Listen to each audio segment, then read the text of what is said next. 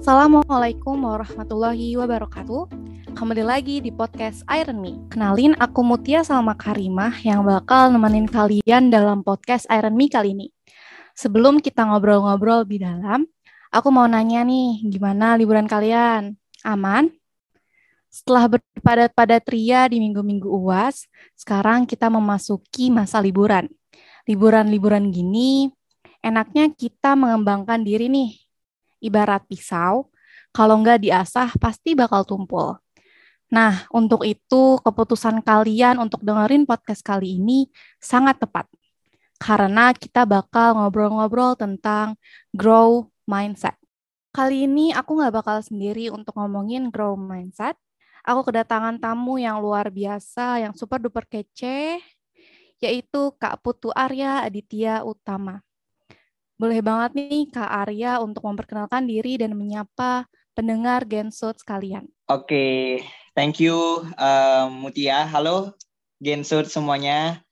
Uh, terima kasih atas undangannya ya sebelumnya. Perkenalkan, aku Arya, uh, mahasiswa Universitas Jenderal Sudirman, of course. Aku adalah mahasiswa berprestasi FISIP Unsud dan saat ini uh, juga menjabat sebagai salah satu duta ya, salah satu duta nasional genre Indonesia uh, di tahun 2019. Mungkin itu aja ya kali. Oke, uh, mau nanya nih kak, kakak karya kesibukannya apa nih belakangan ini? Uh, kalau akhir-akhir ini memang kesibukanku uh, di organisasi ya, di organisasi terus uh, beberapa juga masih ikut aktif dalam uh, kompetisi dan mm-hmm. paling paling baru nih aku sedang sibuk di kementerian ya Kementerian Dalam Negeri uh, kebetulan aku sedang magang di sini mm-hmm. di bagian Inspektorat Jenderalnya gitu jadi cukup hektik lah akhir-akhir ini Wah makasih banget ya kak udah nyempetin kehektikan Kak Arya untuk uh, jadi narasumber di podcast RNMI kali ini. Oke, tadi kan kita udah spill nih kalau kita bakal membahas grow mindset. Kalau dari namanya, kayaknya itu pikiran yang berkembang. Kalau tapi kalau dari Kak Arya sendiri ngelihat grow mindset itu seperti apa sih Kak dan kayak gimana? Oke, okay. ngomongin growth mindset ya. Ini sebenarnya uh, menarik ya topiknya dan uh, apresiasi lah buat teman-teman dari uh, BEM Unsud ya udah memfasilitasi untuk ngomongin topik ini karena memang uh, topik ini tuh relate banget gitu buat kita apalagi mahasiswa baru ataupun mahasiswa-mahasiswa yang memang ada di rentang umur 18, 19, 20 ke atas mm -mm. yang mana di fase-fase ini kita udah nemu yang namanya fase quarter life crisis. Betul. Nah, pernah nggak sih teman-teman ngerasain di fase-fase ini tuh overthinking, uh, uh, banget, banget. terus merasa cemas berlebihan, mm -mm. khawatir ya kan? Mm -mm, betul. Terus gimana nih masa depan kita ke depannya? Nah, ini nih adalah sebuah fase yang memang kita memerlukan suatu pola pikir yang jauh lebih dewasa, pola pikir yang jauh lebih berkembang, yang inilah disebut dengan uh, growth mindset. Nah, mungkin nanti di antara pendengar ada yang pernah baca atau mungkin senang baca salah satu buku uh, self development atau self improvement. Salah satu bukunya itu berjudul uh, Psychology of Success gitu. Nah, itu tuh disebut kalau misalnya manusia itu terdiri dari dua hal itu growth dan fixed mindset gitu kan. Nah, manusia itu tidak terlahir dengan genetic mindset gitu. Jadi Arya, Faiza, Mutia, Ida Ulia dan juga teman-teman Gensut semuanya itu pasti memiliki suatu pola pikir yang akan terus berkembang ke depannya gitu. Nah, growth mindset ini mengajarkan kita untuk bagaimana kita memahami segala sesuatu yang dilakukan itu dari prosesnya gitu, bukan dari hasilnya. Kita melihat kegagalan itu sebagai suatu uh, proses belajar, bukan sebagai sesuatu hal yang menjadikan kita akhir dari segalanya. Nah, sementara fixed mindset itu berpikir bertolak belakang gitu. Dia menganggap bahwa kita terlahir itu dengan kemampuan yang alamiah, kemampuan yang tanpa kita bekerja keras, kita punya kemampuan itu. Jadi kalau kita udah gagal, ya udah berarti kita tidak mampu dalam hal itu. Nah, bedanya di sana. Jadi inilah sebenarnya pentingnya apa yang disebut dengan uh, growth mindset. Kita akan bisa mencapai kesuksesan ya karena kita belajar dari kegagalan itu dan karena kita menganggap bahwa kesuksesan itu diraih dari proses gitu, bukan hanya dari kemampuan yang kita miliki secara alamiah. Nah, mungkin itu ya tanggapan sederhanaku mengenai apa itu sebenarnya growth mindset. Oke, kalau privilege tuh mempengaruhi gak sih Kak grow mindset sendiri? Privilege. Nah, kalau misalnya kita bicara nih tentang apa aja sebenarnya yang uh, mempengaruhi uh, growth mindset, privilege atau enggaknya itu sebenarnya kita nggak bisa ngejudge nih apakah orang privilege itu tidak memiliki growth mindset atau enggak gitu. Karena uh, mindset itu terbentuk tergantung dari karakter kita. Oke, okay, lingkungan emang akan membentuk mindset kita. Tapi tergantung lingkungannya. Orang-orang yang punya privilege pun kalau misalnya memang lingkungannya itu uh, baik gitu buat membentuk pola pikirnya ya ya nggak akan itu nggak akan membuat dia tidak menjadi seorang yang memiliki growth mindset jadi privilege atau enggaknya itu sebenarnya bukan tidak akan terlalu berpengaruh bagi seseorang itu karena semuanya balik akan dari karakternya dia baik uh, balik dari bagaimana lingkungannya akan membentuk dia balik dari bagaimana proses kehidupan yang ia alami gitu. Jadi sebenarnya uh, privilege itu tidak bisa menjamin kalau orang itu tidak memiliki growth mindset atau memiliki growth mindset gitu sih. Tapi mungkin privilege sendiri tuh sedikit membantu mungkin ya kak membantu seseorang membangun growth mindset sendiri. Iya, uh, iya, pas, pasti pasti itu akan membantu. Tapi kan ada juga nih orang-orang yang privilege punya privilege tapi ya udah hmm. dia uh, nyaman akan apa uh, privilege hmm. yang dia miliki dia nggak akan bekerja keras dia nggak akan uh, struggling untuk mencapai apa yang ia inginkan gitu tapi di sisi lain orang yang privilege pun juga ada juga yang menganggap bahwa privilege yang ia punya ini ya ini hanyalah uh, milik misalnya let's say milik orang tuanya atau let's say milik keluarga besarnya tapi hmm. ia adalah ia gitu ia adalah seorang pemimpi yang harus mewujudkan mimpi-mimpinya jadi balik lagi sebenarnya growth mindset itu sebenarnya nggak dipengaruhi oleh privilege. Yang mempengaruhi itu adalah karakter dari orang tersebut dan bagaimana ia terbentuk dari suatu lingkungan yang sedang ia bertumbuh di sana gitu. Oke, setuju banget sih Kak. Nah, lanjut ya Kak. Kalau dari pengalaman Kak Arya sendiri, gimana sih Kak dalam meraih, uh, gimana proses Kak Arya dalam meraih grow mindset ini? Aku uh, dalam meraih growth mindset ya. Ini aku reminder dulu ke teman-teman. Uh, apa yang aku ceritakan sekarang bukan berarti di posisi yang sekarang ini aku benar-benar menjadi pribadi yang memiliki growth mindset dan aku tidak memiliki yang namanya fixed mindset ya. Tapi apa yang aku sampaikan kepada teman-teman, uh, growth mindset dan fixed mindset itu merupakan dua hal yang tidak akan mungkin mm -hmm. pernah hilang dalam pribadi kita mungkin ketika kita ingin memberikan growth mindset yang dominan itu bisa gitu. Tapi kalau memang benar-benar kita menghilangkan fixed mindset itu itu merupakan sesuatu hal yang uh, mustahil gitu. Karena dua hal ini pasti akan selalu ada dalam uh, pikiran kita gitu. Jadi apa yang aku ceritakan ini aku harap uh, teman-teman jangan salah tangkap ya. Kalau misalnya wah Arya ini uh, uh, growth mindset banget nih, dia nggak ada fixed mindset fixed mindsetnya. Ya pada suatu kondisi aku juga memiliki uh, fixed mindset itu gitu teman-teman. Nah itu reminder awal ya.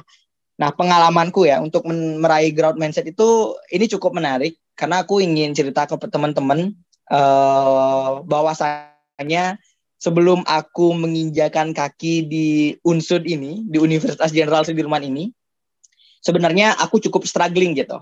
Nah, awal mulanya itu ketika uh, aku adalah seorang yang cukup ambisius dalam mengejar uh, mimpiku gitu. Awalnya aku punya mimpi kalau bisa menempuh pendidikan di sekolah kedinasan. Mungkin kita langsung sebut merek aja ya. Aku adalah seorang ambis di stan gitu. Oh iya ya. Jadi dari dari awal masuk SMA itu tuh aku emang fokusnya itu buat stan. Jadi uh, tryout tryout stan terus ikut bimbel stan dan lain sebagainya.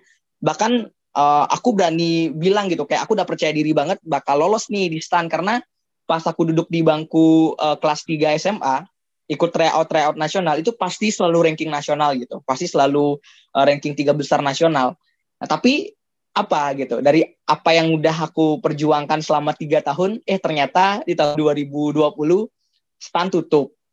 Nah terus aku bingung nih. Aduh gimana ya? Aku nggak ada persiapan buat uh, eh, SBM aku nggak ada fokus ke kuliah negeri dan lain sebagainya. Even if aku uh, dapet jalur undangan gitu tapi ya itu belum nasib. Terus pas SBM pun oh ternyata SBM juga bukan jalannya dan bahkan pada saat aku ikut ke dinasan lain pun yang buka ya walaupun nilaiku waktu itu SKD-nya itu paling tinggi lah uh, di hari itu tuh aku dapet tuh ranking satu nasional gitu SKD-nya tapi ternyata Tuhan juga tidak menghendaki pada saat udah masuk tes kesehatan jasmani gitu. Nah akhirnya aku berpikir nih, wah sekelas duta nasional kok nggak dapet sekolah ya? Aku bener-bener malu tuh karena pada saat itu aku masih ngejabat sebagai duta nasional ya duta genre nasional, yang mana aku berpikir astaga uh, teman-temanku dari duta genre provinsi lain itu udah dapat sekolah udah dapat universitas tapi kok aku masih struggling banget ya? Padahal aku punya banyak prestasi padahal aku uh, punya nilai yang bagus gitu. Tapi kenapa ya nggak ada kampus yang bisa menerimaku kecuali unsur? Nah akhirnya denial.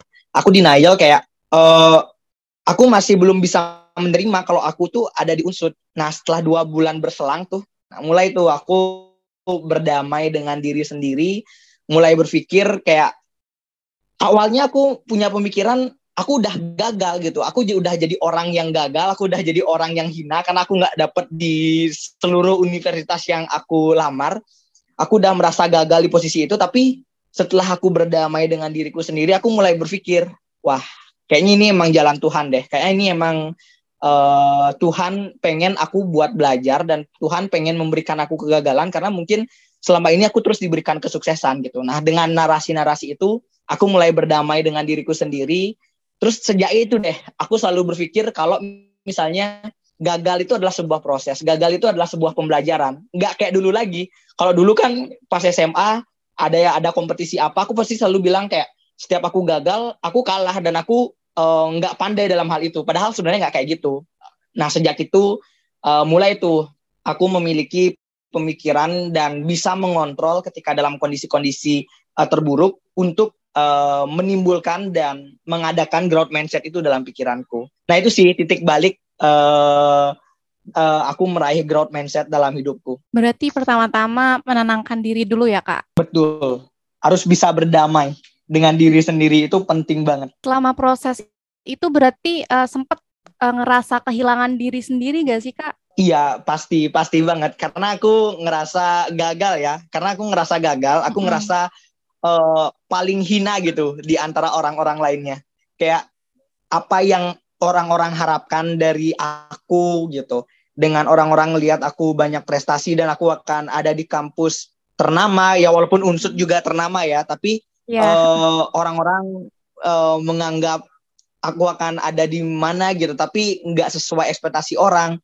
karena ketika aku dulu ya aku sebelum memiliki yang namanya growth mindset ini mm-hmm. aku tuh uh, terbebani oleh ekspektasi orang mm-hmm. pernah nggak sih kalian terbebani oleh ekspektasi orang uh, banget, nah aku banget. tuh di posisi yang itu kayak udah ya udah aku benar-benar kehilangan diriku sendiri aku kayak astaga aku ini siapa ya? Aku sampai lupa gitu aku ini siapa? Padahal aku eh, nggak uh, menyadari apa yang udah aku dapatkan gitu. Dan ketika aku sekalinya gagal aku benar-benar hilang jati diri aku benar-benar hilang uh, pemahaman diriku sendiri aku ini siapa? Dan ya udah aku merasa gagal dan kayak ini adalah akhir dari segalanya gitu lah uh, yang aku rasakan saat itu. Eh, terus kak setelah setelah uh, menenangkan diri nih setelah berdamai dengan diri sendiri uh, apakah kak langsung menyusun strategi atau langsung uh, melihat ke depan itu kak Ya mulai lagi menyusun strategi-strategi ke depannya. Misalnya setelah aku mulai bisa menerima, aku adalah mahasiswa unsut, aku sekarang ada di unsut dan emang ini adalah takdirku gitu kan. Nah, mulai tuh bisa mulai nyusun-nyusun strategi lagi kayak semester satu mau ngapain, nyusun mimpi lagi. Uh, setelah tamat uh, kuliah mau ngapain, terus tamat kuliah mau berapa tahun dan lain sebagainya. Gitu sih uh, yang ingin aku sampaikan kalau misalnya memang dengan kita mulai berdamai dan mulai uh, memiliki pemikiran kalau misalnya kegagalan itu sebagai sebuah proses ya kita akan cepat gitu punya pemikiran-pemikiran yang jernih untuk bisa nge strategi lagi ke depannya kita harus ngapain dan apa langkah yang bisa kita lakukan ke depannya gitu. Oke, aku mau nanya nih Kak, uh, kira-kira peran orang di sekitar Kakak tuh berpengaruh gak sih Kak pada saat uh, masa-masa Kak Arya kehilangan diri jadi uh, dari memulai hal memulai awal yang baru? Sangat amat berpengaruh, sangat amat berpengaruh. Orang-orang di sekitar itu sangat amat berpengaruh. Jangankan kan gini ya, aku udah bilang kalau misalnya uh, growth mindset sama fixed mindset itu adalah dua hal yang tidak bisa dihilangkan. Jadi posisi aku kehilangan uh, diri aku sendiri tuh nggak pada saat itu aja gitu. Terkadang ketika misalnya uh, dalam situasi tertentu dan lagi burn out, lagi capek, ya fixed mindset itu pasti akan tetap ada di diri kita. Let's say misalnya dua hari yang lalu atau kemarin deh lebih tepatnya. Kemarin aku benar-benar merasakan uh, yang namanya bukan kegagalan sih ya, tapi kayak perasaan yang uh, perasaan yang merasa aku tidak mampu gitu dalam menjalankan uh, suatu hal. Nah di posisi itu aku menganggap apa aku emang seburuk ini ya, apa aku emang uh, sehina ini ya gitu. Nah terus aku kebetulan di sini sama seniorku gitu kan, sama kakakku. Ya aku cerita nih sama kakakku apa yang uh, aku alamin ketika misalnya aku benar-benar kehilangan uh, diriku dan aku merasa uh, apa yang aku alami ini adalah suatu akhir dari segalanya gitu. Dan dia bilang kayak ya udah uh, aku tuh dibilang kayak kupu-kupu gitu.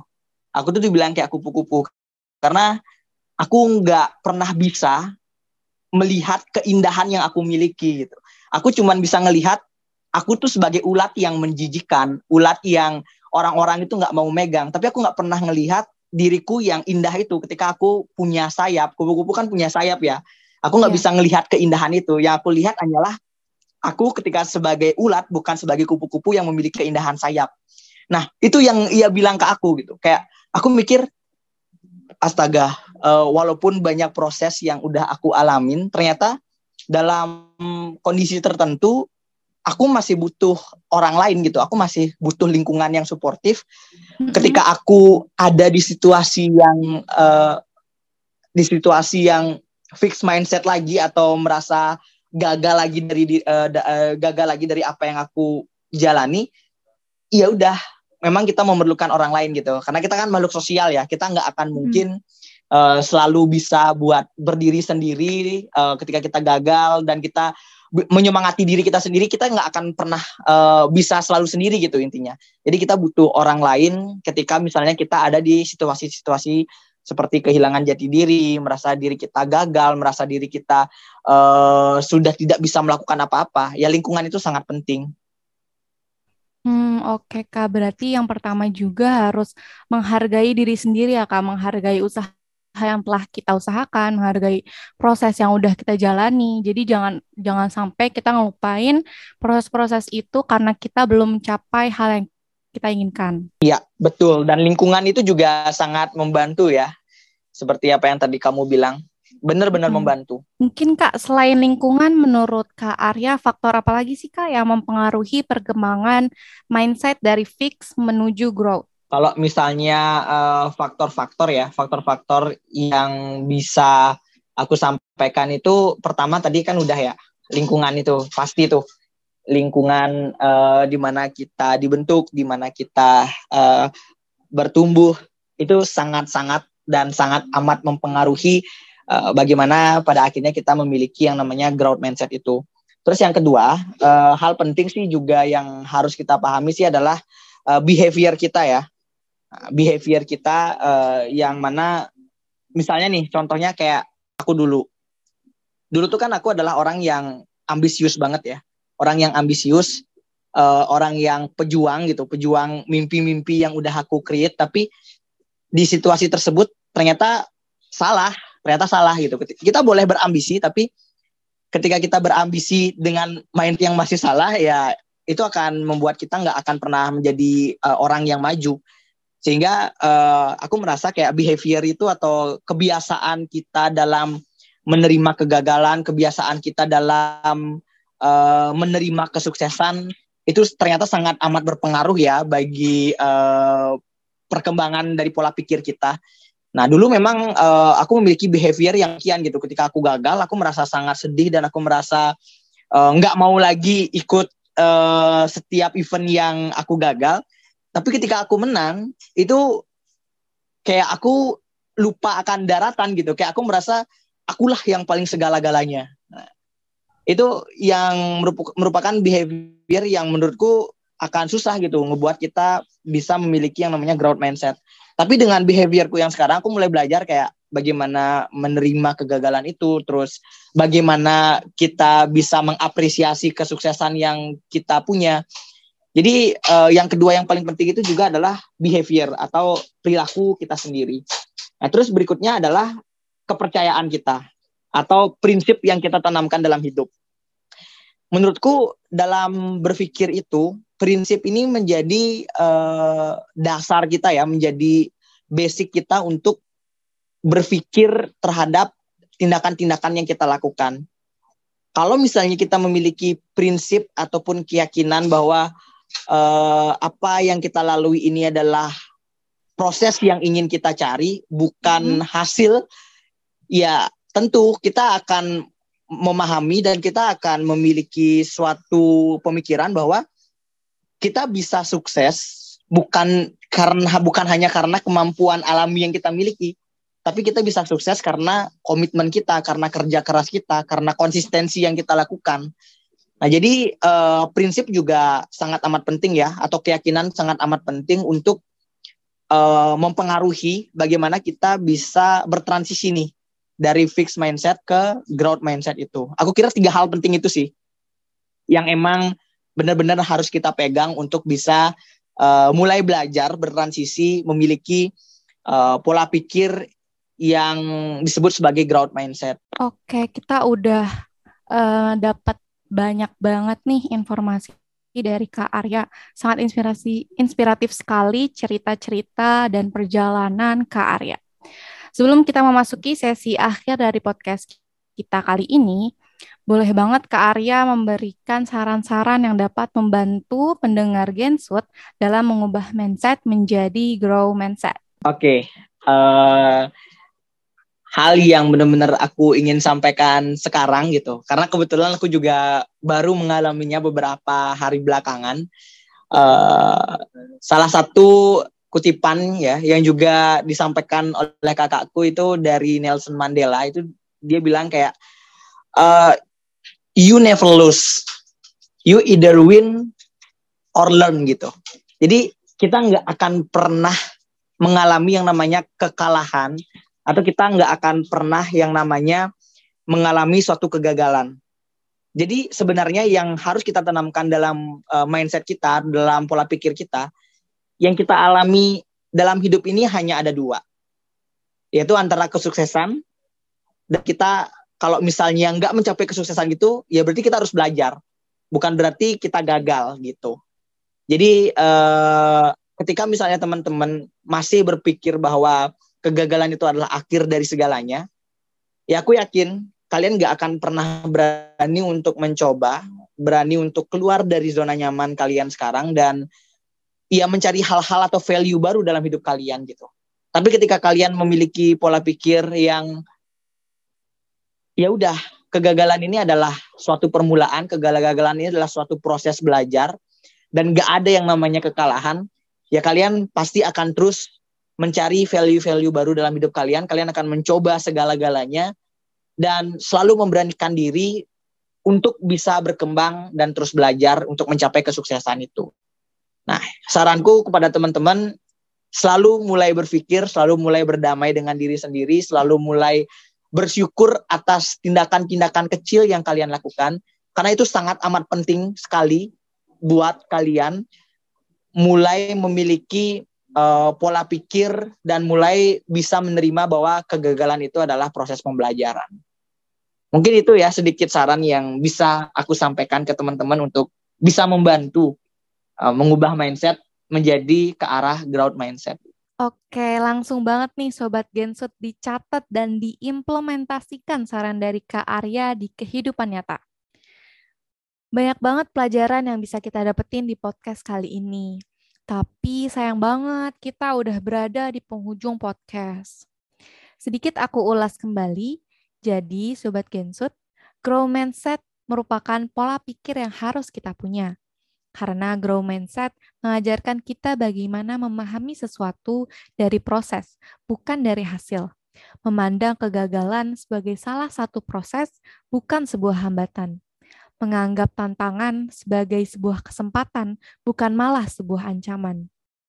Untuk meraih grow mindset bisa dimulai dengan berdamai dengan diri sendiri dan memikirkan skill apa yang ingin dikembangkan dan value apa yang ingin ditunjukkan.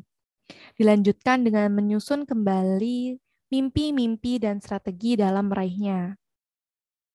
Terima kasih banyak Kak Arya yang sudah sharing ilmu ke kita semua. Semoga ilmu yang diberikan menjadi manfaat bagi kita semua. Sekian podcast Iron Me kali ini. Selalu ingat bahwa your mind is something you can always change. Sampai di sini obrolan kita, sampai ketemu di podcast Iron Me selanjutnya.